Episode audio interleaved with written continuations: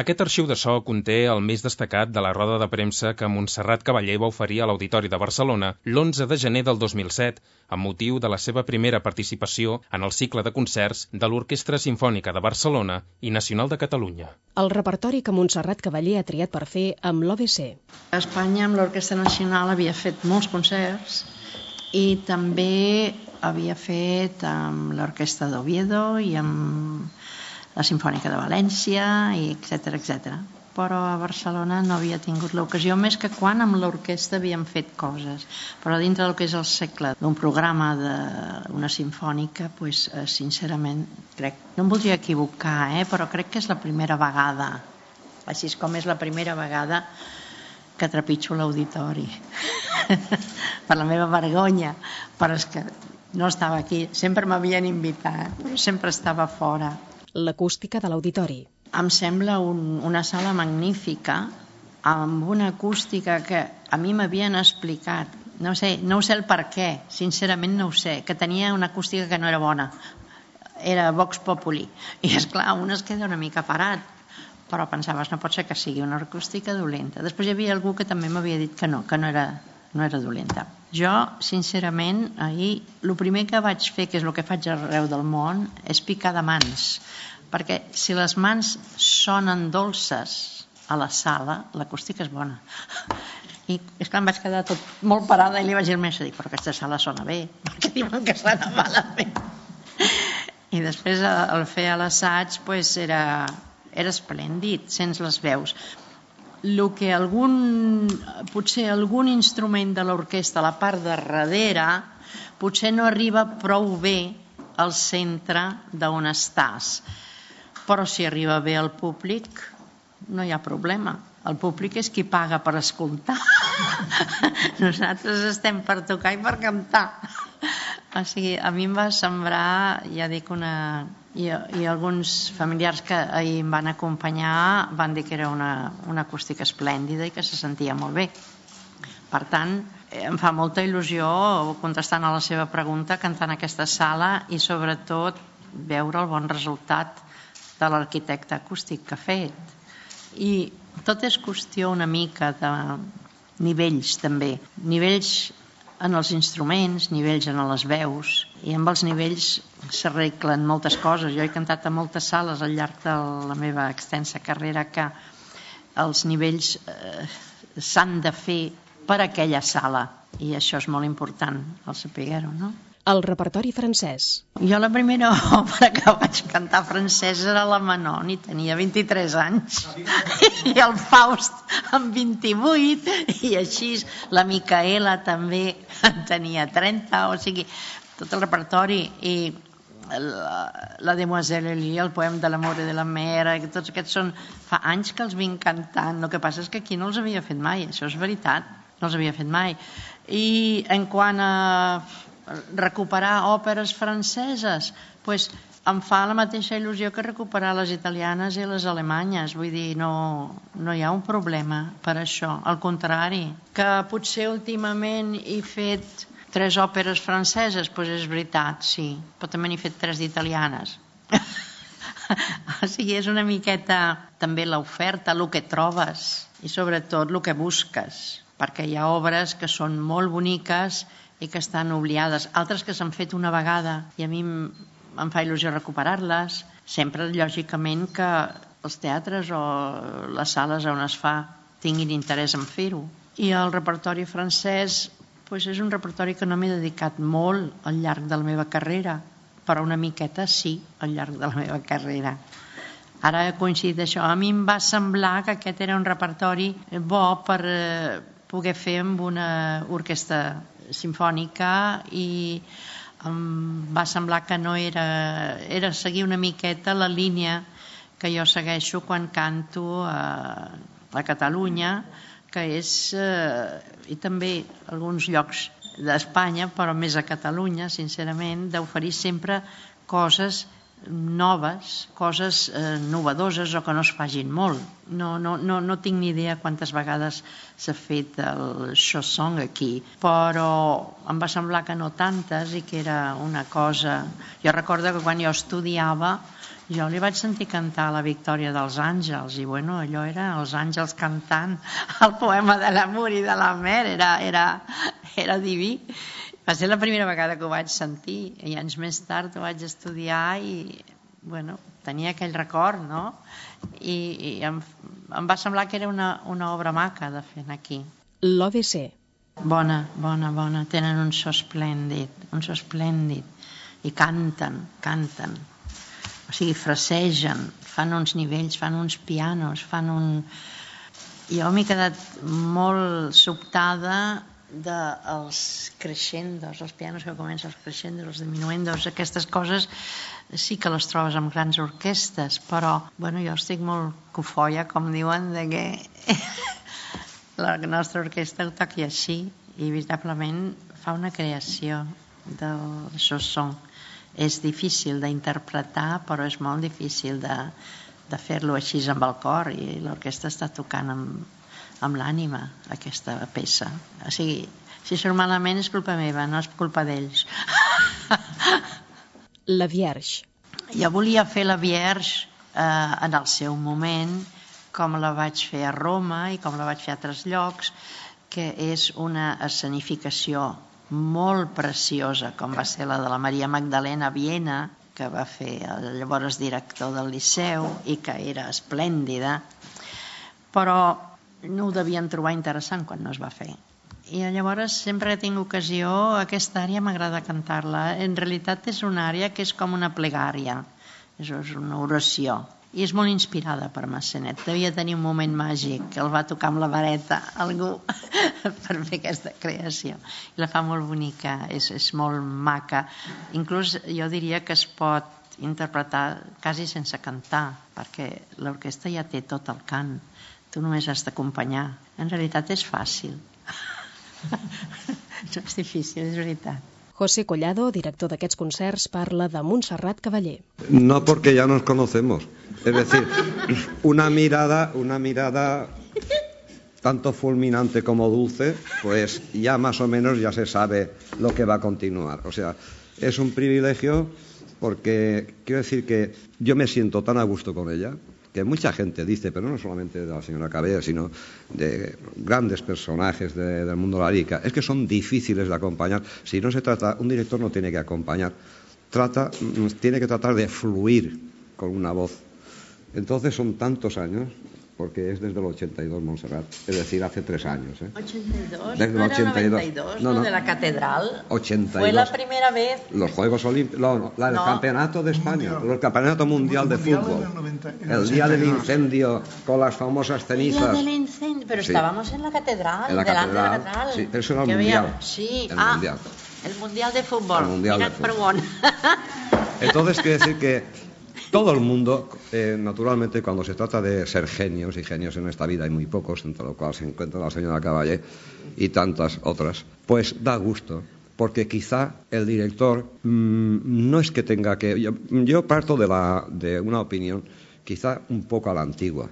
Mm, Antes existía esa famosa frase de un director que ponía maestro concertatore e direttore de orquesta. Hoy eh, pretenden que la lírica sea conmigo, conmigo, es decir, es como si fuera así. Es la palabra famosa conmigo, como si, fuéramos, eh, como si estuviéramos estu- eh, dando un concierto con la décima de Mahler y ya. Y claro, todo esto, naturalmente, eh, yo todavía soy de los que disfruto cuando tengo algo que me fluye a mí. Entonces, uno de los privilegios es la señora que sea porque ya no solamente a nivel profesional, sino a nivel humano, son tantos años vividos, tantas alegrías, tantas penas, tantas cosas, pues es como si yo, sí, como si fuera, no sé, un instrumento que yo pueda tocar. No es difícil, es previsible. Por muy difícil que sea, siempre me es previsible. Manuel Burgueres i els pianistes acompanyants. Estant a Madrid havíem de fer uns concerts plegats, eh, una a Valladolid que era pel 500 anys de la mort de Cristóbal Colón, eh? i un altre a Càdiz, perquè vaig inaugurar un conservatori de, de música que han fet també una aula de cant i tal. I ell havia de venir el mateix dia del concert, el van ingressar altra vegada. I aleshores, clar, va ser un, una mica difícil, va venir molt amablement un, un, un acompanyant, un pianista de Màlaga, Sergio Montero, em sembla que es diu, i va ser ell que va acompanyar aquests dos concerts. I el Manuel em va dir que el dia de Nadal el van, li van donar l'alta i jo no sé si va sortir el mateix dia o l'endemà però jo he parlat diverses vegades amb ell. Ell vindrà aquí el dia 16 o, o, o així d'aquest mes em refereixo. I llavors treballarem una mica i aviam tot això està fet eh, als ensatjos, diguem, pensant en ell i el que el metge li permet i tal. Ell se sent molt bé, se sent molt segur, tenim una, una gira de concerts importantíssima, sobretot els llocs claus, que és Londres, Berlín, Viena, Zurich, Milan, són, són puestos molt, molt claus, però ell diu que es troba molt bé. Per això vol venir i vol Imagini, supeditar a el que jo penso. Quina tonteria, no? Una persona que fa molts anys, és com quan el Miguel Zanetti, que durant 28 anys em va acompanyar arreu del món i es va posar molt malalt i volia també que jo el jutgés jo dic, no home, no, fem el concert a Bordeus i que teníem un concert i veiem com surt i desgraciadament eh, va ser un concert que va tindre que deixar-lo a la meitat, es va trobar molt malament i llavors vaig tindre, ell mateix m'ho va dir, no? Que havia de buscar una altra persona. I per casualitat estant a Mèrida vaig conèixer en el Manuel Bargueres que estava en el conservatori. Acabava d'arribar de Buenos Aires em sembla. I jo buscava perquè el Rostropovich volia que fèiem una cosa pel, pels no vidents. I jo cantava una cosa amb el Rostropovich i després havia de fer una cosa amb, amb piano. I aquesta per agradar força la força i la tècnica que tenia. I li vaig demanar si eventualment havia de cantar a Sevilla, a la maestranta, si podia acompanyar-me, això era finals del 80, i sí, eh, ho va fer-ho, i, i des de llavors pues, sempre, sempre hem estat fent música plegats, i és, és, un, un goig, és una il·lusió. A mi m'ha no m'he sentit mai, perdoni, és un altre tema, eh? No, no m'he sentit mai d'anar canviant d'acompanyant, quan et trobes bé amb una persona que fas música plegada, que no acompanya, que això és el que a mi en el fons no m'agrada. A mi m'agrada casar amb, amb el piano, igual que m'agrada casar amb una orquestra. No, no m'agrada ser individual, m'agrada, i sempre ho he procurat. Llavors, quan hi ha un, una liaison, diguem, profunda d'interpretació, i això ho, ho trobes, pues, s'ha de conservar, perquè si no ja em sento una mica perduda, aquesta és la veritat perquè trobo pianistes que toquen meravellosament bé. A Viena vaig fer un recital amb el Fischer que era fantàstic, però com que és una persona que en sap tant i tècnicament és tan bo, és el que feia, per exemple, tots els, tots els eh, clavicèmbalos de l'òpera, amb les obres de Mozart i amb el viatge a Reims i tot plegat, o sigui, però fa... és un gran artista.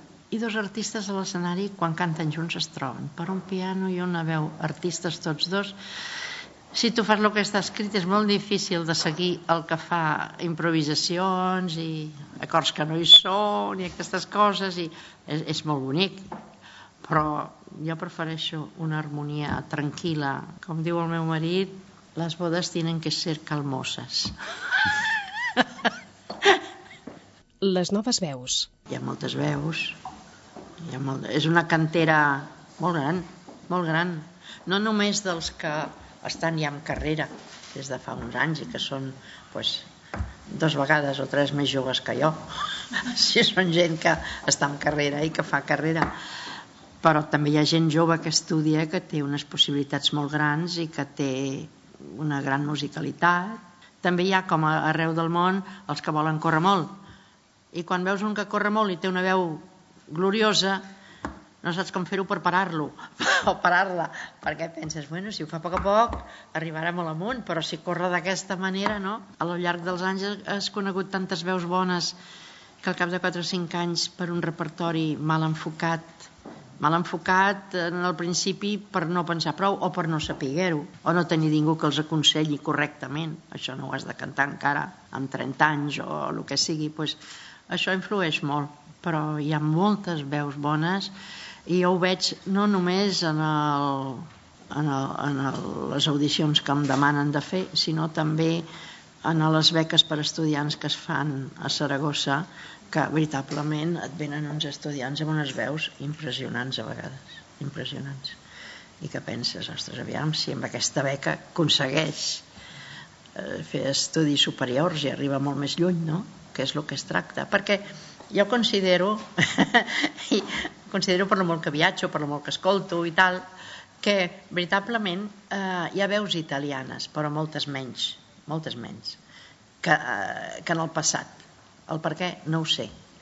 Eh, franceses n'hi ha algunes, alemanyes n'hi ha moltes, però de nivell, primer nivell, n'hi ha poques en aquests moments. De les ingleses no en parlo, però americanes també n'hi ha moltes. però com deia una col·lega meva molt famosa, diu, eh, ho dic perquè és molt amiga, és la Marilyn Horn, em deia, són màquines de fer notes, Montse. Són màquines de fer notes. Te les faran totes i les que no hi són. Però no demanis que cantin amb el cor perquè no t'ho faran. Són només musicals, metronòmiques i tot el que vulguis. És clar, una mica de raó tenia. No, no estic d'acord amb tot, perquè també hi ha gent molt bona que canta amb, amb, amb molta il·lusió i molt bé. Als Estats Units, concretament i Canadà, són dos llocs que les veus bueno, són com flors a la primavera, és un així. Hi ha moltes escoles de cant, es dediquen molt, hi ha molta, molt ajut als estudis de, de música perquè ho consideren una cultura de la nació i aleshores se'ls ajuda i és clar hi ha molts que estudien i ho fan a les, a les universitats i lògicament tenen beques eh, tenen els hi donen rentes que després han de pagar però estudien, estudien és que n'hi ha molts quan arribes als Estats Units i te'n vas a Texas o te'n vas a San Francisco o on sigui per no dir-ho més de que cap aquí pues, no, hi ha, no poden inscriure tots els que demanen aquesta és la veritat Passa igual amb el ballet. El ballet és igual.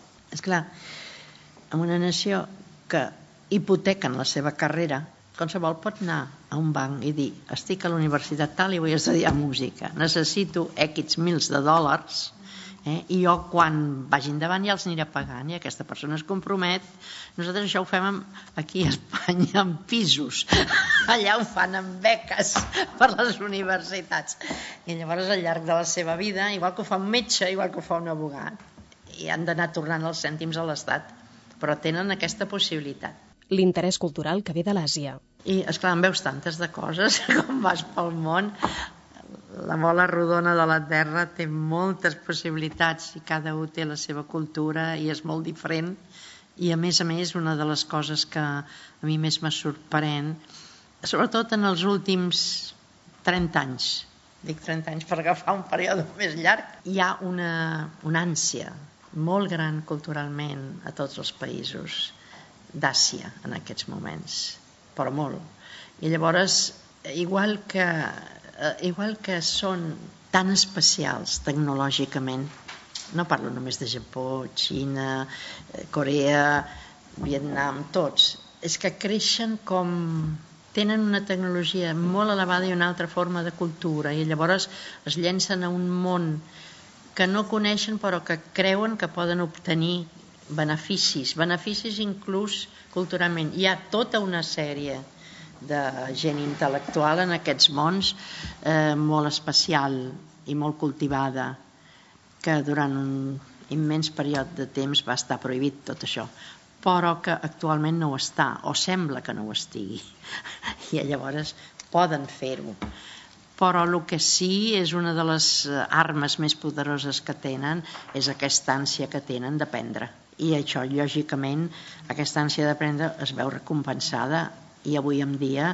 en el camp de la música, tornant al camp de la música, ens trobem amb grans directors d'orquestra xinos, japonesos, coreans, grans cantants que guanyen concursos arreu del món i que estan cantant a les òperes als Estats Units, a, a Alemanya, a, a França. Eh, tot això crea un món gran que avança, diria jo, cap a, primer cap a l'est i després cap a Europa. i és com una gran invasió. És una invasió cultural, però és una invasió. La retirada. Eh, hi ha una cosa, jo eh, tinc 73 anys i lògicament eh, tinc una edat en què molts ja no canten, però jo recordo quan la, la John, eh, la Sutherland, vull dir, eh, cantava i et feia amb 72 la Lucrecia Borgia i, i a la Lucia. I, o sigui, tot depèn de la tècnica, de la veu, de la duració de la persona, de les ganes que tens. Eh, jo recordo que ella em va dir, diu, Diu, tu hauries de fer la Lucrecia. Dic, ui, no, jo no podria ja. Jo no podria fer. Diu, jo bé la faig. Dic, bueno, però tu sempre has estat per allà dalt. A tu t'és fàcil. Jo no era una cantant de les altures.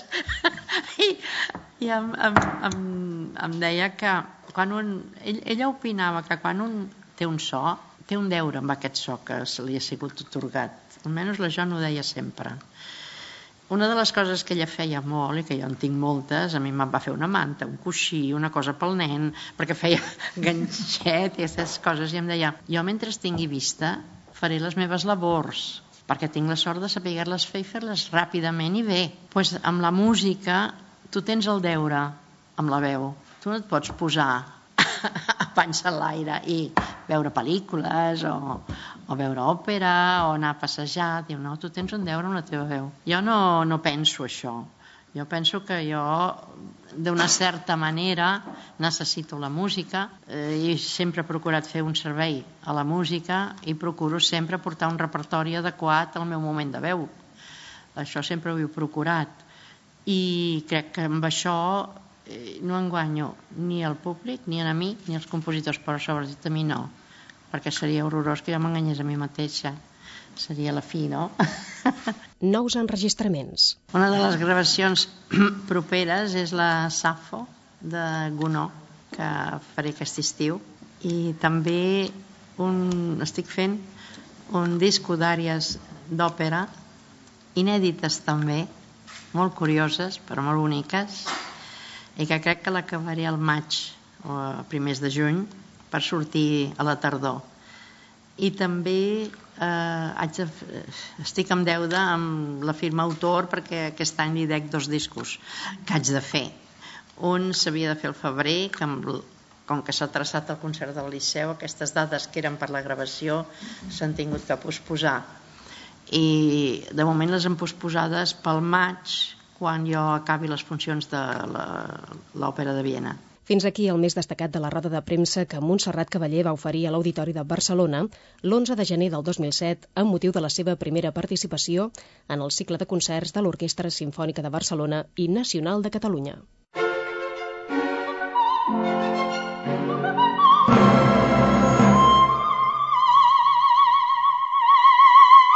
Línies addicionals.